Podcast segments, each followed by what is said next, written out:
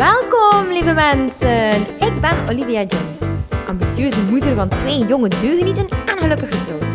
Tijdens deze podcast deel ik je dagdagelijkse perikelen van mezelf als ondernemende moeder. Benieuwd naar welke inzichten jou kunnen helpen je leven zo gemakkelijk mogelijk te maken? Je hoort het zo. Hallo lievelingen, het is weer lang geleden hè. oh, het is zo lang geleden. Wel, ik heb eigenlijk in het begin dat ik startte met podcasten, had ik een keer iets opgenomen omtrent um, moederrouw. En ik dacht, ja, goh, dat was toen niet zo goed opgenomen. De, het geluid was niet zo zuiver. Het was precies zo'n beetje omdat ik in een badkamer stond. Zo.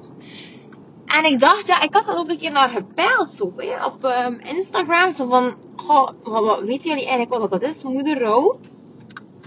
En uh, wat je daar kan aan doen. En, en dan je daar een beetje inzichten aan. Of wie heeft er al moederrouw meegemaakt. En uiteindelijk was dat wel verrassend dat bijna niemand wist wat dat was. Dus ik dacht, oh, maar hier moet ik iets aan doen. Want we zijn allemaal zo. Wij als mensen, wij hebben dikwijls bevestiging nodig van kijk, wat dat wij hebben, dat is dat. Wij voelen ons zo en dat is omdat wij dat hebben. Of dat doormaken. En als dat een naam gekregen heeft, dan zijn wij daar veel meer chill in. Zo. Ah, oké, oef, we weten wat er aan de hand is. Het is dat, oké. Voilà, het is geweten wat het is. het is niet zoiets onbekend. Dat is wel iets heel interessant als je daarover gaat nadenken. Over dat wij uh, zo heel graag willen dat als we iets uh, voelen dat niet zo normaal is, of iets hey, die, die, dat wij ervaren dat, dat, voor ons vreemd aanvoelt, dat wij direct willen dat dat een naam krijgt. Want een naam, dat wil zeggen dat het iets bekend is. En ja, dat het gewoon, uh, dat we weten wat we er kunnen aan doen, of wat we zeker niet moeten doen. En dat is wel interessant. Dus moederrouw. Wat is dat nu? Moederrouw is dat je na het krijgen van een kindje, dat je daar dus eigenlijk niet gelukkig mee voelt. En dat kan zijn dat dat direct optreedt na de bevalling. Dat kan zijn dat dat eventjes duurt, een paar weken. Het wordt dikwijls wel een beetje verward met een depressie, omdat je, ja, je gaat ook wel moe zijn en neerslachtig en zo. Um, je gaat, er gaan ongelooflijk veel emoties in je om. Maar het is geen depressie, het is gewoon ja, moederrouw. Het, het gaat hem eigenlijk over het feit dat jij rouwt om wie je ooit was, om het leven die je ooit had, om wie je was voor je mama werd of zelfs voor je zwangerschap.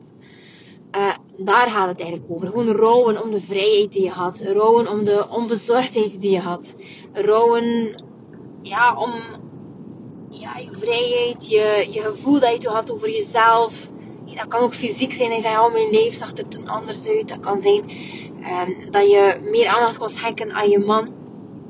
En dat dan nu hè, de baby is die dat overneemt. Dat zijn eigenlijk zo'n emoties. Echt rouwen om wat je had en om wat dat er nu in de plaats is gekomen. En dat wil absoluut niet zeggen dat je kindje niet graag ziet of dat je geen goede mama bent. Of... Nee, dat is dat absoluut niet. Maar het wil wel gewoon zeggen dat je struggelt. Dat je zelf struggelt met je, de nieuwe rol dat je gekregen hebt. Die, er, die er gratis bij krijgt met zo'n moeilijke. Uh, de verantwoordelijkheid die soms heel zwaar doorweegt. En natuurlijk heb je dat ook vaker met, ja, met babytjes die, die het wat moeilijker hebben. Dat spreekt zo wat voor zich. Het is zo wel een beetje een vicieus cirkeltje natuurlijk. Want als je als mama niet goed in je vel zit, dan zit je baby dikwijls ook niet goed in zijn vel of haar vel. En dan ja, zit je allebei niet goed in je vel. Vandaar dat mijn ja, mijn stokpaardje in mijn praktijk was altijd wel zo van... Oké, mama's geven borstvoeding en dat is goed. En ze geven flesvoeding en dat is goed. En één moederschap, dat is allemaal goed. Hey, hoeveel kinderen je krijgt, het is allemaal oké. Als je er gewoon zelf mee oké bent. Maar vanaf dat dat er niet meer is, vanaf dat je struggelt, vanaf dat je um, echt gewoon, ja, emotioneel niet 100% goed zit, dan moet je het doen dan moeten we gaan kijken van oké, hoe kunnen we dat voor jou makkelijker maken. En dat wil dat voor dat je moet stoppen met borstvoeding hoor. Zeker niet, want dat maakt het niet altijd makkelijker. Integendeel zelfs. Maar dat wil gewoon zeggen dat we mama's moeten opvangen. Dat er erkenning moet zijn. Dat ze opgevangen moeten worden door uh, andere mensen. Dat er helpende handen moeten zijn. Dat het uh, andere dingen moeten verlegd worden. Bijvoorbeeld het huishouden. Want hoe gefrustreerd zijn wij als moeder niet. Als wij een hele dag lopen te voeden.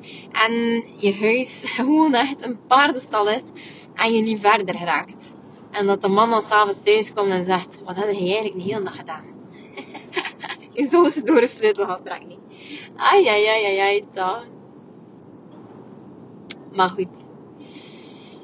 Dus, moederrouw is dus, ja, je, niet hoe, je gewoon niet hoe je vel voelen in feite. Na de bevalling. En dat kan gaan over heel veel zaken. Maar bij mij persoonlijk uh, was dat heel sterk aanwezig. Ik had echt geen leuke bevalling gehad. Ik had een bevalling gehad in het ziekenhuis. En uh, mijn dochtertje werd al 35 weken geboren.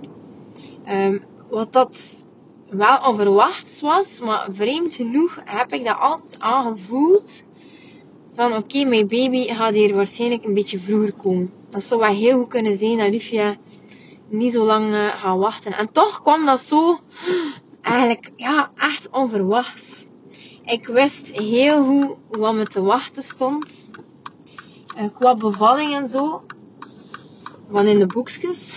Want ik werkte toen ook op neonatale. Dus ik had eigenlijk nog niet zo vaak... Uh, ja, ik had in mijn opleiding wel bevallingen gezien. Maar ik heb nooit gewerkt op een verloskwartier. Of, natuurlijk wist ik wel hoe een bevalling eraan toe ging. Maar... Um, ja, als dat je eigen verhaal wordt, dan is dat toch altijd anders. Dus van, oké, maar hoe gaat dat dan bij mij zijn? En hoe gaat mijn lichaam reageren? Nu, ik was al 35 weken dus in arbeid gegaan. Ik was de dag voordien nog gaan uh, wandelen. En ik had wel harde buiken. Hè. Ik had heel veel harde buiken. Hè. Vanaf, vanaf 20 weken had ik wel harde buiken. Maar het is altijd zo moeilijk om te zeggen van is dat nu een harde buik of niet? Omdat je baby zich kan oprekken. Je baby recht zich een keer uit. en dat versoepelt dat weer. Dus op dat moment is je buik ook gewoon keihard. En op dat moment, ja, voelt dat wel een beetje als, oh, mijn buik staat hier zo gespannen. En het is niet dat je dan echt nog voort kan stappen zo. dat, dat, dat blokkeert ook een beetje, net zoals een harde buik. Het is ook niet dat dat pijnlijk is. Maar ik dacht, ja, een harde buik is wel oké. Hey, ze zeggen dat ook vanaf 24 weken is dat normaal. Hey. Maar wat dat bij mij was, is dat ik, um, ik aan 30 weken werkte ik nog shiften op neonatale. En dat was eigenlijk een hele zware dienst. Het is geen die daar bijna zijn zwangerschap uitgedaan heeft, omdat dat zo'n zware dienst is om op te werken. Uh, wij moeten, uh, ja, ik zal er heel verhaal kunnen rondmaken. Maar ja, bedoel, je staat gewoon de hele dag recht. Je hebt vroeg, laat, nacht door elkaar. Wat in principe niet echt wettelijk was, maar goed. Dus je bioritme zit gewoon heel doorheen. En eerlijk gezegd, ik vond dat een beetje onverantwoord om s'nachts nog 10 uur te werken. Want als zwangere, hoe moe ben je niet, hè? Hoe kapot ben je niet, jong? En om dat dan nog te doen in combinatie met die, die zware ja, shiften. Ja, ik vond dat dus niet echt zo verantwoord. Maar ik heb dat gedaan tot 30 weken. En toen werd ik thuisgezet door de gynaecoloog. En die zei, Olivia, ja, we gaan dat nu ook niet zoeken. Je bent moe. Jij moet gewoon thuis rusten. En dat heb ik ook gedaan. Dat heb ik gedaan. Maar... Mm, ja.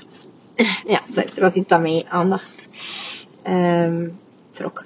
Ja, dus dat heb ik dan uiteindelijk gedaan. Maar ik bleef een harde buiken krijgen. En ik kwam eigenlijk met heel veel collega's overeen, maar alle 70 of 72. Ik kwam met niemand geen probleem. Maar ja, je kent dat wel, zo de vrouwen onder elkaar zo.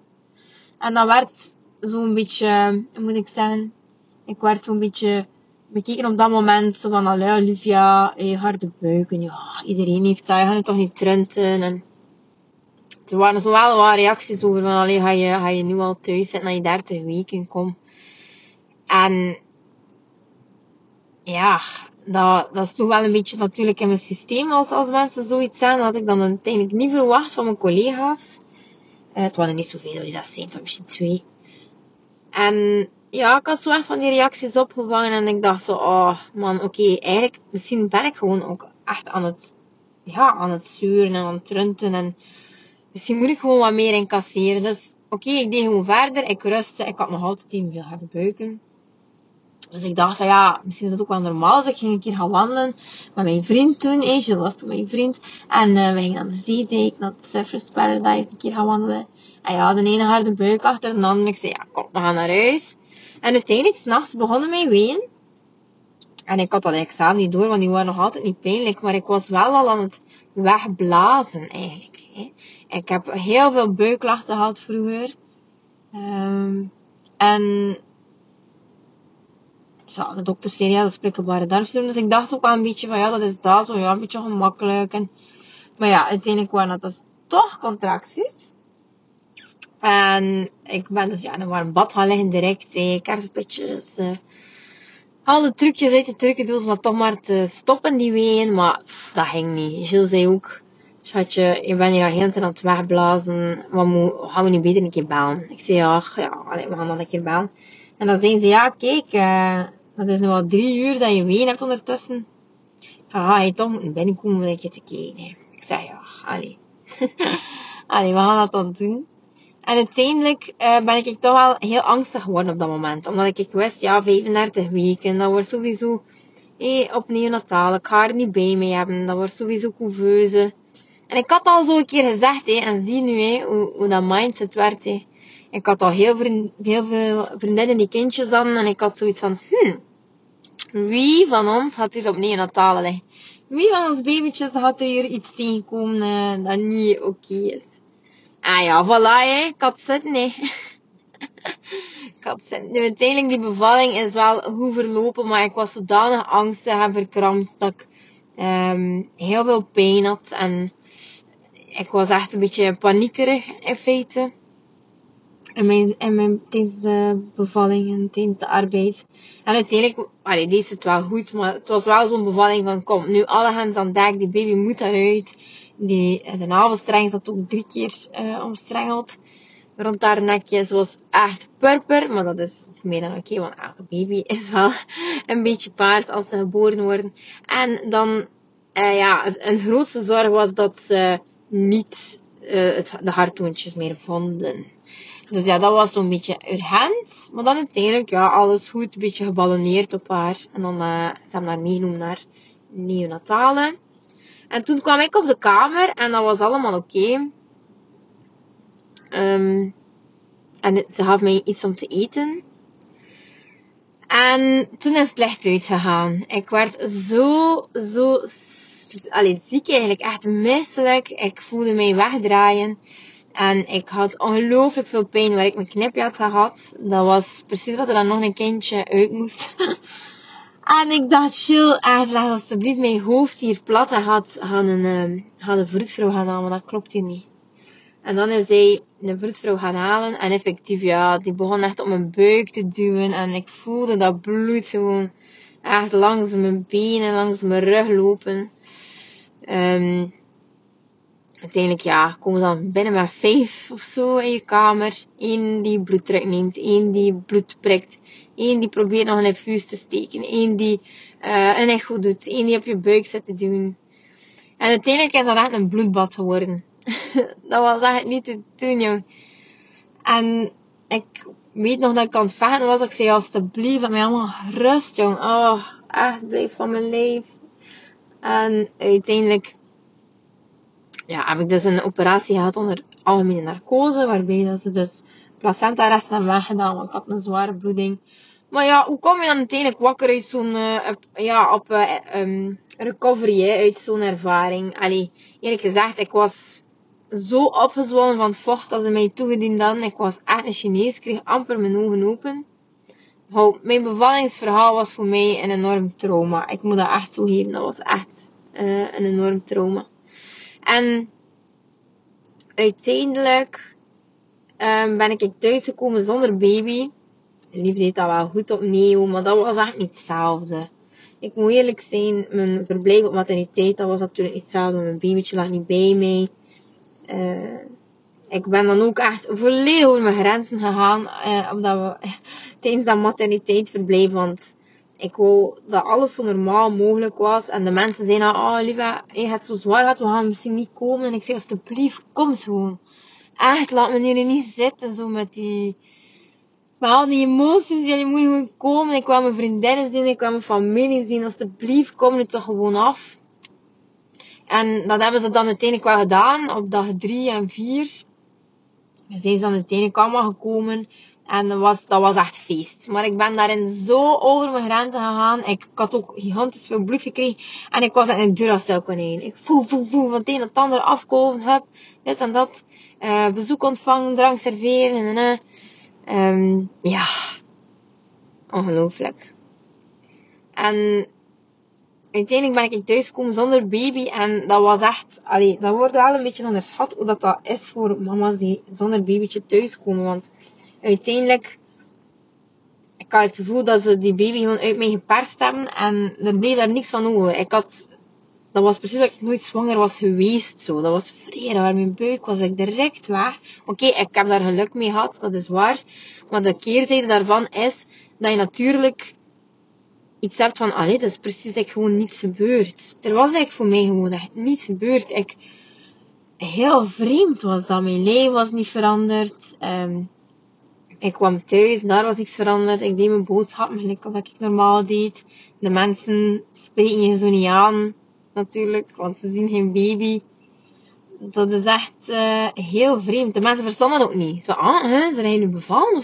Hè, waar is jouw buik naartoe? En waar is jouw baby? En, also, hè, en als ik dan, ik was toen echt niet happy. Ik weet dan nog dat ik echt een emotioneel wrak was. Maar ik kreeg zo geen herkenning. Oh, dat vond ik zo moeilijk. Iedereen zo, ah, maar het babytje is toch gezond? Dat is het beste, nee? Ja, ja, tuurlijk, dat is het beste.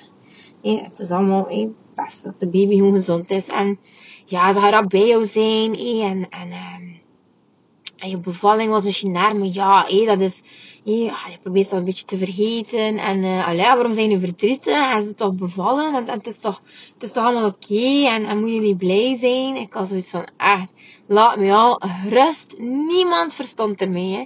Maar echt niemand, hè. Ik was zo niemand dat ik dacht van, kom aan, erken dat gewoon, dat gevoel nog een keer. Die machteloosheid.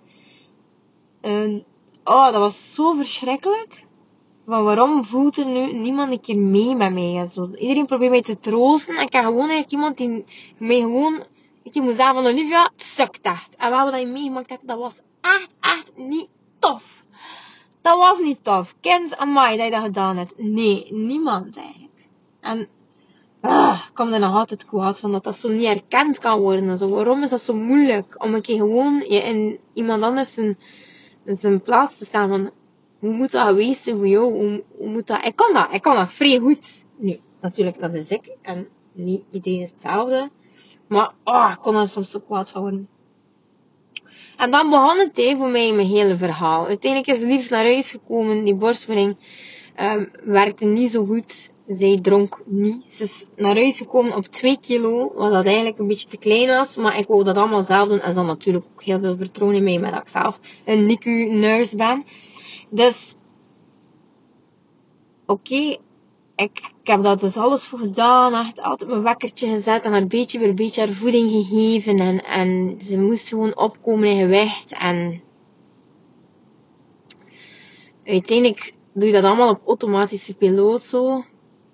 Uh, je doet dat en dat ging goed en, en ook weer niet. en die verantwoordelijkheid was zo zwaar, dat was zo zwaar op mijn schouders. En ik kon mijn bevalling echt gewoon heel moeilijk verteren. Ik kon dat echt super moeilijk verteren. Maar ik was wel gelukkig om, als, om, mama te zijn. En ik genoot er echt van, van te zijn met mijn baby. En dat wou ik eigenlijk. Ik wou gewoon niets anders dan gewoon met mijn baby zijn. Ik had niemand anders nodig. Ik wou ze niet naar de crash doen. Ik wou gewoon echt met mijn babytje zijn gewoon. Ik wou zo die, die, die connectie dat we gemist hebben in die eerste tien dagen. Ik wou dat zo graag herstellen. Ik wist begot niet hoe. Maar ik dacht, ik deed niet anders dan skin to skin en ik deed niet anders dan knuffelen en mijn babytje bij mij houden. Ik had ongelooflijk veel moeite om haar te laten knuffelen door andere mensen. Ik vond dat vrij moeilijk. Ik heb dan zelf ook echt mijn schoonmoeder, uh, echt, ja, niet, uh, ja, ik heb haar echt gewoon buiten gestoten, maar ik wel, dat was ook niet echt oké. Maar in dat opzicht was mijn uh, moederinstinct zodanig sterk zodanig sterk. Ik wou gewoon zodanig die band herstellen. Dat was precies alsof dat een ketting was waar dat er een schakel aan ontbrak. Zo. Maar alleen, waarom? Hoe, kan ik dat toch herstellen? En die trauma's. En zij had mij nodig. Zij, zij...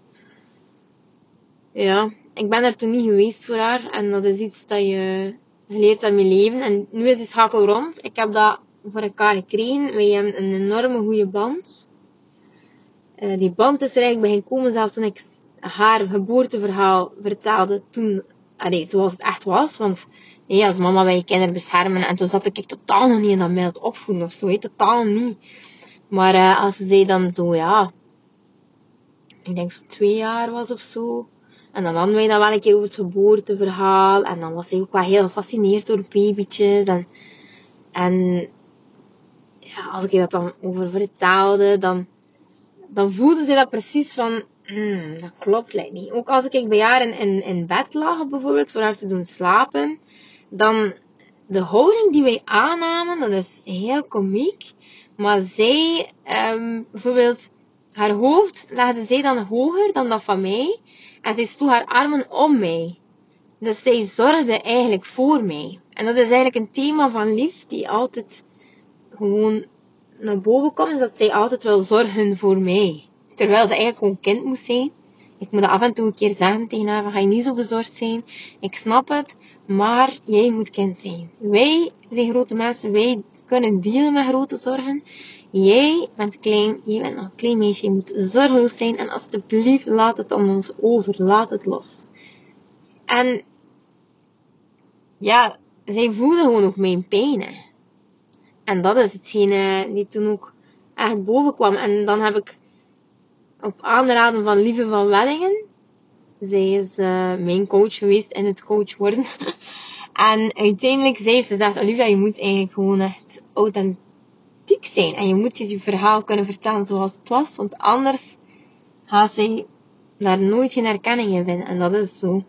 Hoe pijnlijk dat verhaal ook is, ik moet het vertellen zoals het was. En zo heeft zij haar trauma kunnen uh, verwerken. En ik ook. Dus eigenlijk is dat wel een win-win. Maar uiteindelijk, ja, de maanden gaan voorbij. Op een dag moet je terug gaan werken. En uh, ja, bij ons waar je er echt gewoon terug weer ingesmeed. Normaal op Neo sta je zo'n paar dagen op de kleine in. En de kleine in is op de kindjes die zo nog wat moeten leren drinken. Of die nog een maagzonde kunnen hebben. Maar dat zijn echt wel allemaal boelekes, zo van 2 kilo en. Maar het was zodanig druk dat ik terug moest gaan staan op de grote N, op de NICU zelf, dus de intensieve zorg voor prematuren. En ja, ik, had direct zo ja, een gekoeld kindje en ja, ik kan daar nu over uitleggen wat dat is, maar uh, eigenlijk een vrij intensief kind. Nee. En ja, we werd er gewoon zo ingesmeten en die shiften, dat overviel mij gigantisch. Lief heeft heel lang gedaan om haar trauma's te verwerken en zij sliep dus niet. Zij had heel veel nachtmerries. Dus dat niet slapen, ik ben altijd al een vrij goede slaper geweest. En ik heb mijn slaap zo hard nodig. Als ik dat niet heb, dan ben ik... Dan sterf ik. Dat is nog altijd zo. Mijn slaap. En dat is ook wel een beetje een belemmerende overtuiging van mij. Want als ik niet slaap, dan ga ik niet functioneren. Of dan kan ik niet functioneren. Of uh, een overtuiging van mij is ook als ik niet genoeg slaap, dan kan ik niet vlot babbelen. Dan kan ik niet op mijn woorden komen. Dan begin ik te stotteren. Dan begin ik heel vaak uit te zeggen. Uh, ja, voilà. Dus ja, dat zijn zo dingen die die heel hard speelde toen bij mij. En ik was ontzettend bang dat ik op mijn werk iets verkeerd ging doen. Ik was zo ontzettend bang om daar met mijn gedachten niet bij te zijn. Want uiteindelijk heb je toch te maken met mensenlevens, met de allerkleinste. Ik was daar zo bang van. Ik heb liters koffie gedronken, energy drinks gedronken. Oh, ik moest er gewoon bij zijn met mijn gedachten. Ik, ik wou, wou, ja, mijn werk zo goed mogelijk doen. Maar die slapeloze nachten, dat was verschrikkelijk. Als ik moest opstaan vijf uur in de ochtend en ik had misschien drie uur geslapen. Ik was bang. Ik was echt heel erg bang. Ik had ongelooflijk veel stress daarvoor. Dus, zij heeft lang gedaan om haar trauma's te verwerken. En uh, ik ook. En ik moet zeggen, ik heb enorm veel gerouwd in, in, in dat eerste jaar. Ik heb enorm veel gerouwd. Ik vond die verantwoordelijkheid heel zwaar. Ik uh, had het gevoel liever geen mama te zijn dan wel een mama te zijn. Ik wou er wel zijn voor lief, maar ik had altijd het gevoel van, pff, kind toch eens beter op een ander. Ik miste mezelf. Ik, eerlijk gezegd, ik heb de eerste twee jaar zeker geen aandacht gegeven aan mezelf. Het was totaal geen prioriteit. Oh, dat ik er soms ook bij liep, zo, hé. Een dotje, een bekende dotje. En dat is ook allemaal oké, hè, maar bedoel, als je zo in dat rouwen zit, rouwen van je eigen leven, rouwen om jezelf, rouwen om, om hetgene wat dat was, niet gelukkig zijn als mama, je niet goed voelen in de rol als mama, je er wel zijn voor je partner, maar eigenlijk gewoon overleven gewoon. Ik was echt in een overlevingsmodus. Ja. En ik weet niet of dat herkenbaar is voor jullie, of dat jullie zich daarin herkennen, of dat je zegt, ik heb dit ook meegemaakt, of ik vond moederschap ook heel erg moeilijk in het begin, of nu nog, dat kan ook. Dus, elke emotie mag er gewoon ook zijn, en, en dat, dat is allemaal oké, maar het is gewoon zo moeilijk, hè. Hij moet ermee delen, hij zit ermee, hè. En daar, daarin is erkenning gewoon super belangrijk. Erkenning is, is key, maar dat, is, dat staat op nummer 1 op zoveel, oh, ja, op alles eigenlijk. In alle gebieden, communicatie, maar ook voor jezelf, zelfzorg. Ah, moest ik toch maar kunnen iedereen zo wat meer in balans brengen. Nee. Maar ik ben, ben een goede ik ben een goede Dat is mijn praktijkje. Ben goed op. Maar ja, dus mensen, kijk, misschien is dat wel herkenbaar. Hè. Ik heb ook, uh, ben, ik heb twee maanden thuis gezeten in het eerste jaar dat ik mama werd van uh, Lief. Ik, uh, ik heb toen ook mijn grenzen ja, heel lang niet gerespecteerd. En toen heb ik ja, me twee maanden laten thuiszetten door de arts. Ik, ik heb bij psychologen geweest. Um, ach, dat deed zoveel, zo niet voor mij.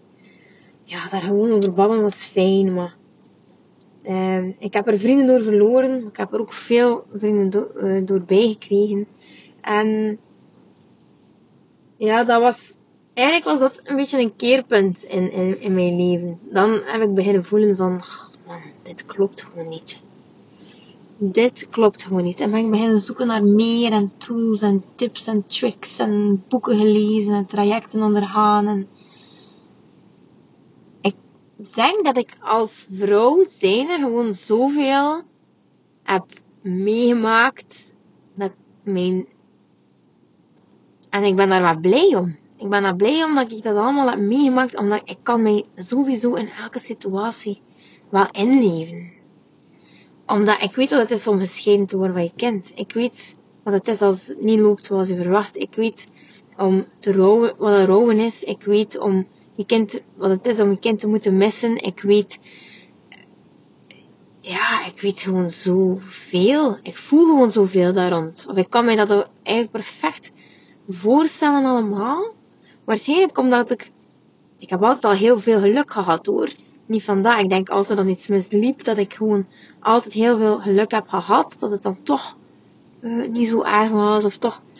Maar, ja. Het is gewoon wel interessant dat ik, ja, jullie pijn allemaal zo goed kan voelen. Ach ja, kijk. Ik hoop dat je er iets aan gehad hebt aan die podcast. Ik hoop het echt. Ik hoop dat je er iets uit haalt. Ik hoop dat je er kracht uit haalt. Want dat is uiteindelijk wat ik wil. Ik wil vrouwen echt empoweren daarin. En ja, ik hoop dat je er iets uit haalt. Dus laat een keer weten uh, wat je ervan vindt. Laat ook een keer weten, misschien op iTunes kan je zo een keer uh, een, mijn score geven, zo, eh, van 1 tot 5 sterretjes. score een keer mijn podcast. Laat een keer horen wat je ervan vindt. En je mag mij altijd een keer een berichtje sturen op Insta oh, hey, doe een keer dat thema, of spreek daar een keer over, of hoe zit dat juist met dat? Maar ik heb eigenlijk zoveel te verdelen, maar ik weet niet altijd wat jullie willen horen. In ieder geval, kijk, we zijn al ondertussen een half uur verder. Ik wens jullie een super fijne dag.